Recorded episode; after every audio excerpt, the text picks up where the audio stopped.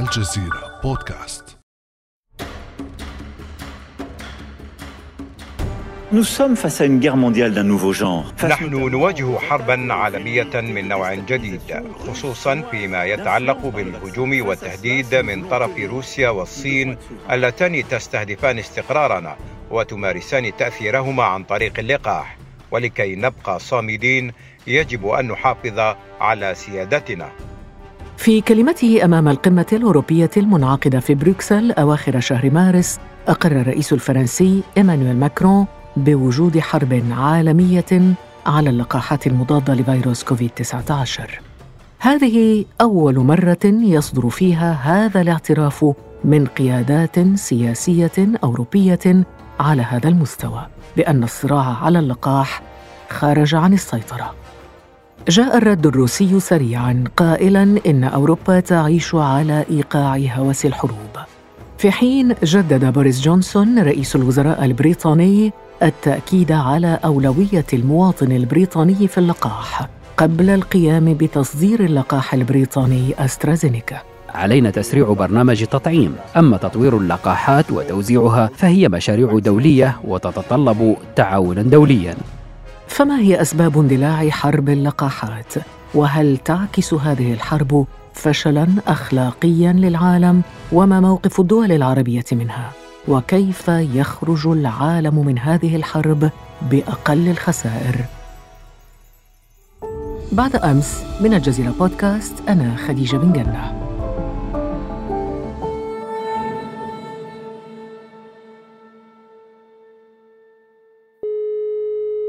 لمناقشة هذا الموضوع ينضم إلينا الدكتور حسني عبيدي مدير مركز الأبحاث والدراسات حول العالم العربي ودول المتوسط في جنيف.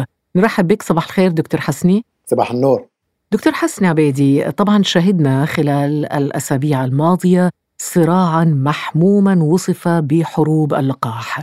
كيف نفهم هذا الصراع بأبعاده الأخلاقية والسياسية والصحية أيضاً؟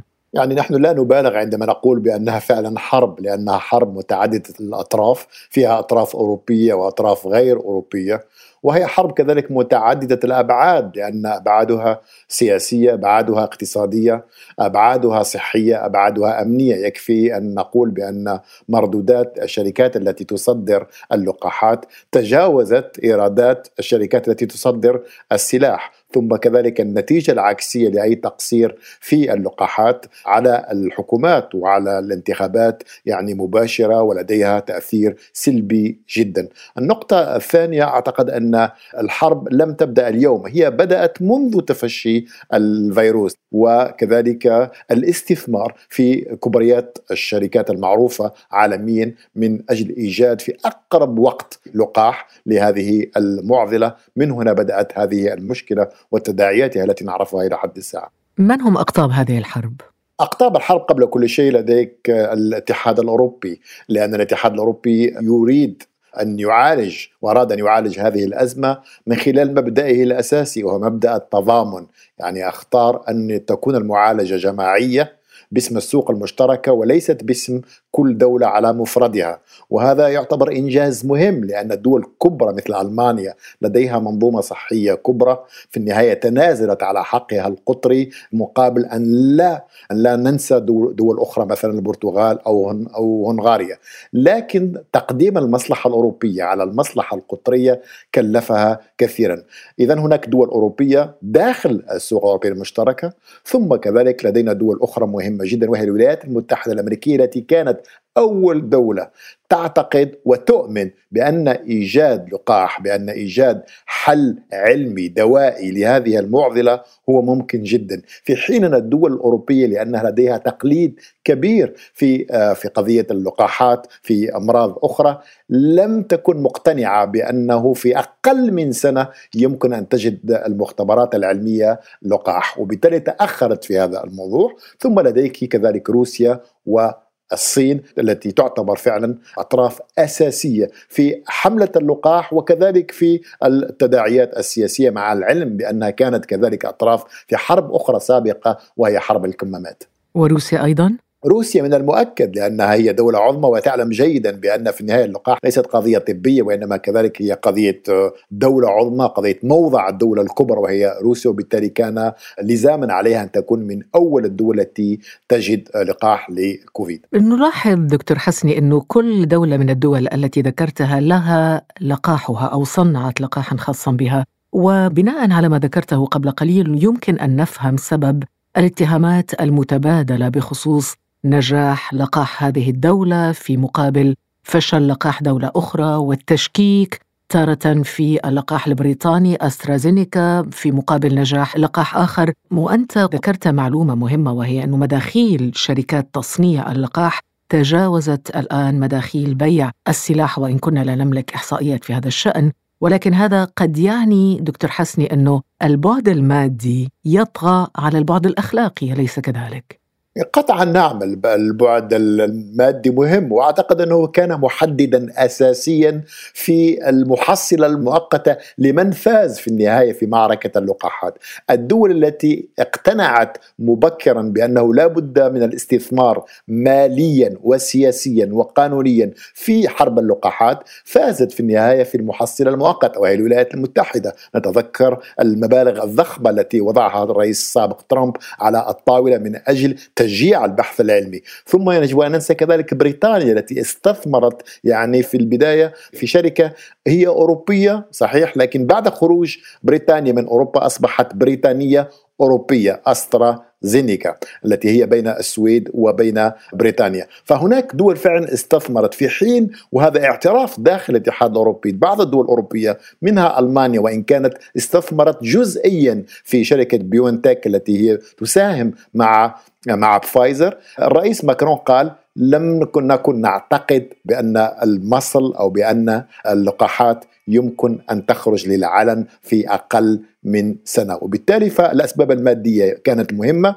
وكذلك هي الآن تحدد في النهاية من هو المنتصر باعتبار أن هذه المختبرات ترفض مثلا نقطة مهمة وهي قضية التنازل عن الملكية الفكرية لأنها لا تريد أن تتنازل عن الأرباح الهائلة الأرباح الخيالية التي تجنيها من خلال مبيعاتها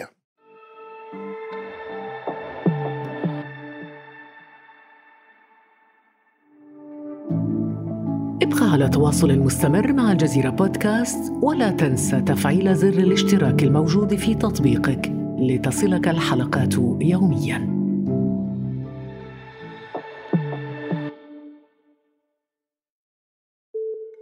في هذا السياق سياق التصعيد صرحت المفوضة الأوروبية للصحة ستيلا كرياكيداس على أن أسترازينيكا عليها أن تسلم الاتحاد الأوروبي حصته أولاً مهما كان الثمن. أوروبا استثمرت الملايين للمساهمة في تطوير العالم لأول لقاح ضد كوفيد-19 والآن على الشركات أن تلتزم وتحترم تعهداتها. دكتور حسني هل حروب اللقاحات أصبحت أوروبية محضة؟ حروب اللقاحات أوروبية لأن في النهاية أوروبا للأسف تصرفت بنوع من السذاجة ولذلك القضية الآن هي بين دول المهمة داخل الاتحاد الأوروبي ودول أخرى كيف ذلك؟ بروكسل اختارت مثلا في قضية اللقاح التشاور مع المختبرات العلمية ومع المصانع المنتجة حول الثمن وحول الشكل التقني. وكما تعرفين في أوروبا هناك هوس بالأشكال التقنية وما يسمى بالمعايير معايير الصحة العالمية. لكن أبدا الاتحاد الأوروبي لم يفكر في قضية أساسية. فكرت فيها بريطانيا والذكاء البريطاني معروف يعني الدهاء البريطاني معروف. وهي قضية أولوية السوق بعد الحصول على المصل بريطانيا وضعت في كل العقود مع خاصة شركة أسترازينيكا أن السوق الأوروبية باعتبار أن المنتج بريطاني وأن المصنع أوروبي لابد أن يكون المنتج قبل كل شيء للسوق البريطانية في حين أن أوروبا لم تلتفت إلى هذه النقطة وتصرفت بحكم أنه لا يمكن العودة إلى سياسة الاحتكار وهنا فقدت أوروبا معركتها في أسترازينيكا مع بريطانيا. النقطة الثانية التي أشرنا إليها سابقا وهي قضية مبدأ التضامن. باسم مبدأ التضامن الأوروبي في النهاية فتحت أوروبا الأبواب نحو منتجات أخرى أو نحو بعض الدول الأوروبية التي قالت إذا كانت أوروبا فشلت في توفير لنا العدد اللازم لمواجهة كورونا من الأمصال يجب أن نتجه إلى منتجات أخرى، لماذا لا نتجه إلى الصين أو إلى روسيا؟ مما فتح الباب نحو تنامي الشعبوية التي تقول في النهاية انظروا بريطانيا خارج الاتحاد الأوروبي بعد بريكسيت نجحت أحسن من الاتحاد الأوروبي الذي يتباهى بأن قوته هي في تماسكه وفي سياسته الجماعية. هذا ربما دكتور حسني وفر فرصة ذهبية بالنسبة للصين لإطلاق يعني ما يمكن وصفه بدبلوماسية اللقاح لتوسيع نفوذها وتعزيزه مع دول تبيع لها هذا اللقاح أو توفر لها اللقاح الصيني. صحيح أن الصين وحتى روسيا استطاعت استعمال قضية اللقاحات كأداة دبلوماسية وكأداة نفوذ. عندما ترجع إلى الإحصاءات يعني أسترازينيكا مثلا أو حتى برنامج الأمم المتحدة كوفاكس يعني أكثر تقدما مما قدمته الصين. يعني قدمت الصين نحو يعني العدد هو ضئيل جدا ونسبي. لكن كانت سباقة في وعودها وفي كذلك تزويدها لبعض الدول الإفريقية والدول العربية في كميات مهمة منذ يناير منذ حتى شهر ديسمبر. وبالتالي استطاعت في النهاية أن تكون هي أول دولة كبرى تستعمل قضية اللقاحات في حرب لنقل إقليمية وكذلك في تبيان نفسها بأنها دولة لن تتنكر ولن تنسى الدول الفقيرة في حين أن أوروبا بقيت منهمكة في تزويد قبل كل شيء سوقها وبقيت منهمكة في معركة جانبية أخرى وهي معركة أسترازينيكا. هل خرجت أوروبا برأيك من المعادلة لأنه عندما نشاهد دول العالم تشتري من الصين وروسيا وأمريكا عندك مصر أخذت اللقاح الصيني الجزائر اشترت سبوتنيك الروسي دول الخليج تشتري اللقاح الأمريكي. اللقاح البريطاني لا يبدو هنا يعني قوي الحضور في هذه الخارطة. صحيح أن الدول الأخرى اشترت آه، سينوفارم واشترت كذلك لقاح الروسي سبوتنيك في لأنه في النهاية يضمن أو لا يحتاج إلى ضمانات خاصة في قضية التبريد وقضية النقل مثل فايزر. هذه النقطة الأولى.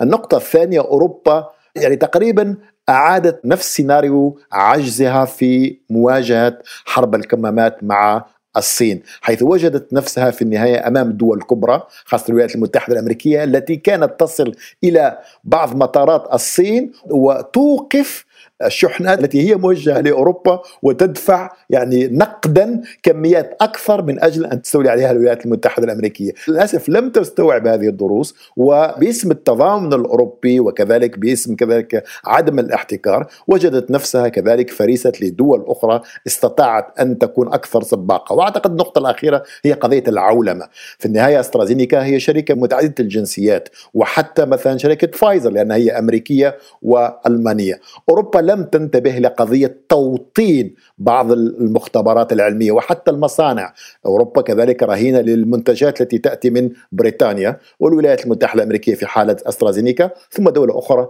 وهي الهند، فوجدت نفسها أنها قوية تقنيا ربما لا وحتى علميا لكنها لم تراهن منذ البداية على الاستثمار المادي في المنتجات ولم كذلك لم تستطع أن توطن داخل الدول الأوروبية مصانع يمكن أن تقوم بتزويد تزويد ذاتي واكتفاء ذاتي في مثل هذه الحالة.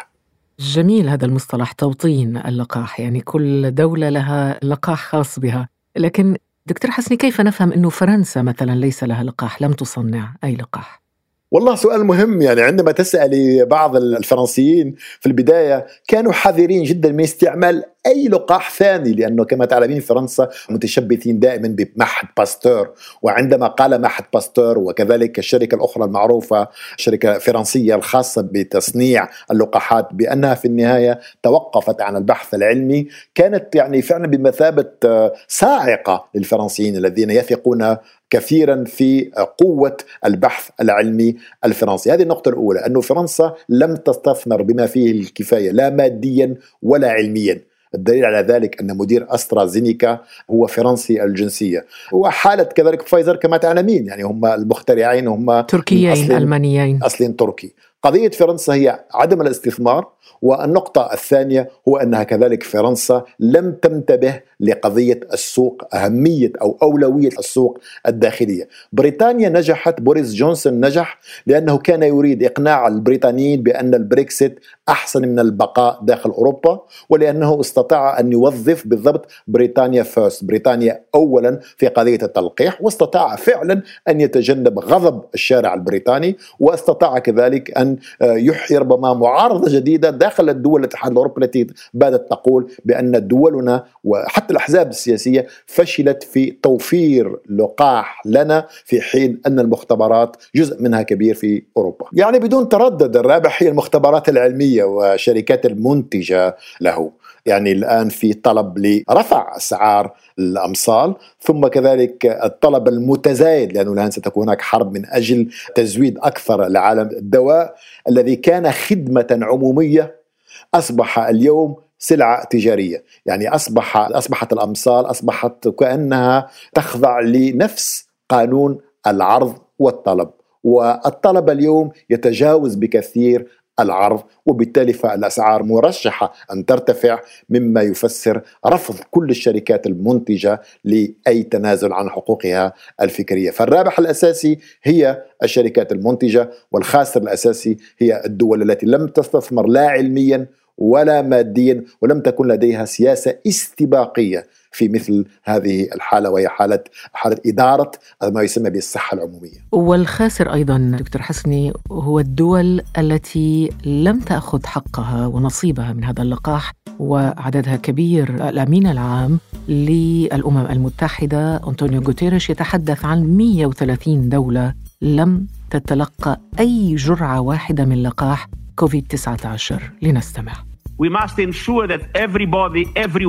يجب ضمان القدرة على تطعيم الجميع في كل مكان وفي أسرع وقت ممكن. ومع ذلك كان التقدم في التطعيمات متفاوتا وغير عادل إلى حد كبير. قامت عشر دول فقط بإعطاء 75% من سكانها جميع لقاحات كوفيد-19 بينما لم يتلقى أكثر من 130 دولة جرعة واحدة. دكتور حسن يعني شيء بصراحة يعني مش غريب وعجيب. ولكن يدل على انعدام الحس الإنساني 130 دولة يعني شعوب 130 دولة لم تتلقى جرعة واحدة من لقاح كوفيد ما تعليقك؟ يعني حصة الدول التي لم تتلقى اللقاحات التي طالبت بها منذ البداية هي الصورة طبق الأصل لطبيعة العلاقات الدولية المبنية على المصالح وكذلك هي مبنية في النهاية على قوة كبيرة ومتزايدة للشركات المتعددة الجنسيات ولضعف وتدهور دور الدولة. الدولة لم تصبح هي الأساسية. يعني في الأمم المتحدة الجمعية العامة 180 دولة أقرت وطالبت بأن يكون هناك توزيع عادل وليس توزيع حسب المصالح القطرية. لكن بقي مجرد طلب من قبل الجمعية العامة للأمم المتحدة. فعندما تكون الدول الأوروبية الأساسية منها أعضاء في مجلس الأمن ودول كبرى مثل ألمانيا تقول بأنها ضحية تقول بأن التوزيع الحالي للقاحات مجحف في حقها فما بالك بالنسبة للدول في طريق النمو. أعتقد أنه فعلا هذه القضية قضية اللقاحات أظهرت علنا بأن أخلاقي في قضية أساسية وهي قضية الصحة العمومية، قضية الصحة العامة لأنه في النهاية لا يمكن العالم أن يتغلب على هذه الجائحة. إذا كان نصفه الشمالي تحصل على الجرعات والنصف الثاني لم يتحصل عليه، لأن العالم في النهاية مفتوح، الحدود مفتوحة، لكن في نفس الوقت أثبتت فعلا بأن هذه المنطقة ليست من أولوية صانع القرار في الغرب، خاصة صانع القرار عندما يتعلق بالقضايا التجارية والمالية. وهذا بالضبط ما حذر منه أيضا الأمين العام لمنظمة الصحة العالمية جبريسوس وقال إنه صراع الأغنياء سيؤدي إلى عدم حصول الدول الفقيرة على أي جرعة من اللقاح. At the outset, rich countries have bought up the majority of the supply of multiple vaccines. في النتيجة البلدان الغنية حصلت على معظم الحصص من اللقاحات وهذا يعني أن المعرضين لمخاطر الفيروس في الدول الفقيرة والسائرة في طريق النمو لن يحصلوا على اللقاح.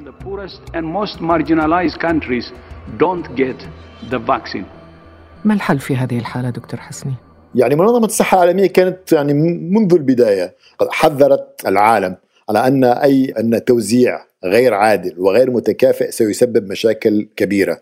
وطالبت يعني للأمانة وهي مقرها في جنيف بتوزيع على الأقل 10 ملايين جرعة على الدول الأقل نموا. وكلفت معهد صيدلي معروف في الهند وهو معهد سيروم لتوزيع الجرعات المطلوبة عاجلا من الدول النامية. لكن ماذا حصل؟ إنه معهد سيروم أو الهند قالت يعني نفس الذريعة البريطانية أن هذا المعهد هو في الهند ولدينا كذلك حاجة ماسة في الهند لهذه الجرعات فلن نقوم بإرسالها رغم أنه تم هناك اتفاق مع مبادرة كوفاكس العالمية ومنظمة الصحة العالمية حتى قبل كل شيء أن نستوفي السوق الداخلية في الهند. ونفس الشيء تقريبا حدث مع دول أخرى. ما عدا الدول التي التي تفاوضت مباشرة وعلى أسس تجارية مع المختبرات الصيدلية للأسف لا يوجد هناك حل هناك مقترح طرح وهو قضية التنازل عن الحقوق الفكرية أي أن مختبرات علمية في دول العالم الثالث تقوم بإنتاج نفس المنتوج نفس اللقاح لكن كما تعلمين قوة الشركات المتعددة الجنسيات قوة هذه المختبرات منعت داخليا وخارجيا أي تحويل للملكية الفكرية للقاح للدول النامية. وعندما تقول الدول الناميه دكتور حسني فالعالم العربي ضمن هذه الدائرة، ماذا تفعل الدول العربية لانتزاع حصصها من فم الأسود المتصارعه برأيك؟ يعني العالم العربي عوالم، يعني هناك من بدأ منذ البداية خاصة الدول التي تتمتع بدخل مادي آه، مهم وبدأت منذ البداية بالتفاوض مباشرة ليس مع الدول وإنما مع الشركات المنتجة. وبعضها كذلك مع الصين ومع روسيا. واستطاعت فعلا أن تحصل على عدد مهم من الجرعات الكافية لتطعيم تقريبا في بعض الدول 50% من سكانها. هناك دول أخرى كذلك استطاعت أن توفر كمية كبيرة من خلال التعاقد مع بعض الوسطاء التجاريين مع الشركات المنتجة. أما الدول الأخرى التي ليس لديها القدرة المالية باعتبار أن الثمن هو مرتفع نوعا ما انتظرت مثلا مبادرة كوفاكس أو انتظرت أن تقوم بعض الدول الغنية بتزويدها بهذه اللقاحات. هل لديك أي فكرة عن الأسعار؟ يعني السعر فايزر كان ما بين 1.87 دولار إلى 2 دولار وشركة فايزر طالبت برفع السعر إلى 5 دولار للجرعة الواحدة. وفايزر كما تعلمين لابد من جرعتين. هذه الأسعار تصنعها الندرة كما يقال وهذه قوانين السوق دكتور حسني؟ ربما في المستقبل قد نشهد لقاحات أخرى هناك توقعات بأن يصل عدد اللقاحات أو يتجاوز ربما 20 لقاح وهذا قد يساهم في تخفيض أسعار اللقاح وتعميمه على الدول الفقيرة والنامية. ومن المؤكد أن انتظار جونسون وكذلك هناك أربع لقاحات الآن منتظرة داخل السوق داخل المفوضية الأوروبية الخاصة بموافقة على الدواء. يعني تعدد اللقاحات يمكن أن يساعد قبل كل شيء في الانتشار الواسع لهذه اللقاحات ثم من شأنه كذلك أن يخفض في الأسعار. الآن نرى فعلا بأن مدى ضعف الدولة حتى الدولة في أوروبا والولايات المتحدة الأمريكية في تقرير سياسة أسعار خاصة بخدمة عمومية وهي قضية اللقاح ضد كارثة كبيرة وهي الكوفيد. شكرا جزيلا لك دكتور حسني عبيدي مدير مركز الأبحاث والدراسات حول العالم العربي والمتوسط في جنيف. شكرا لك. كان هذا بعد أمس.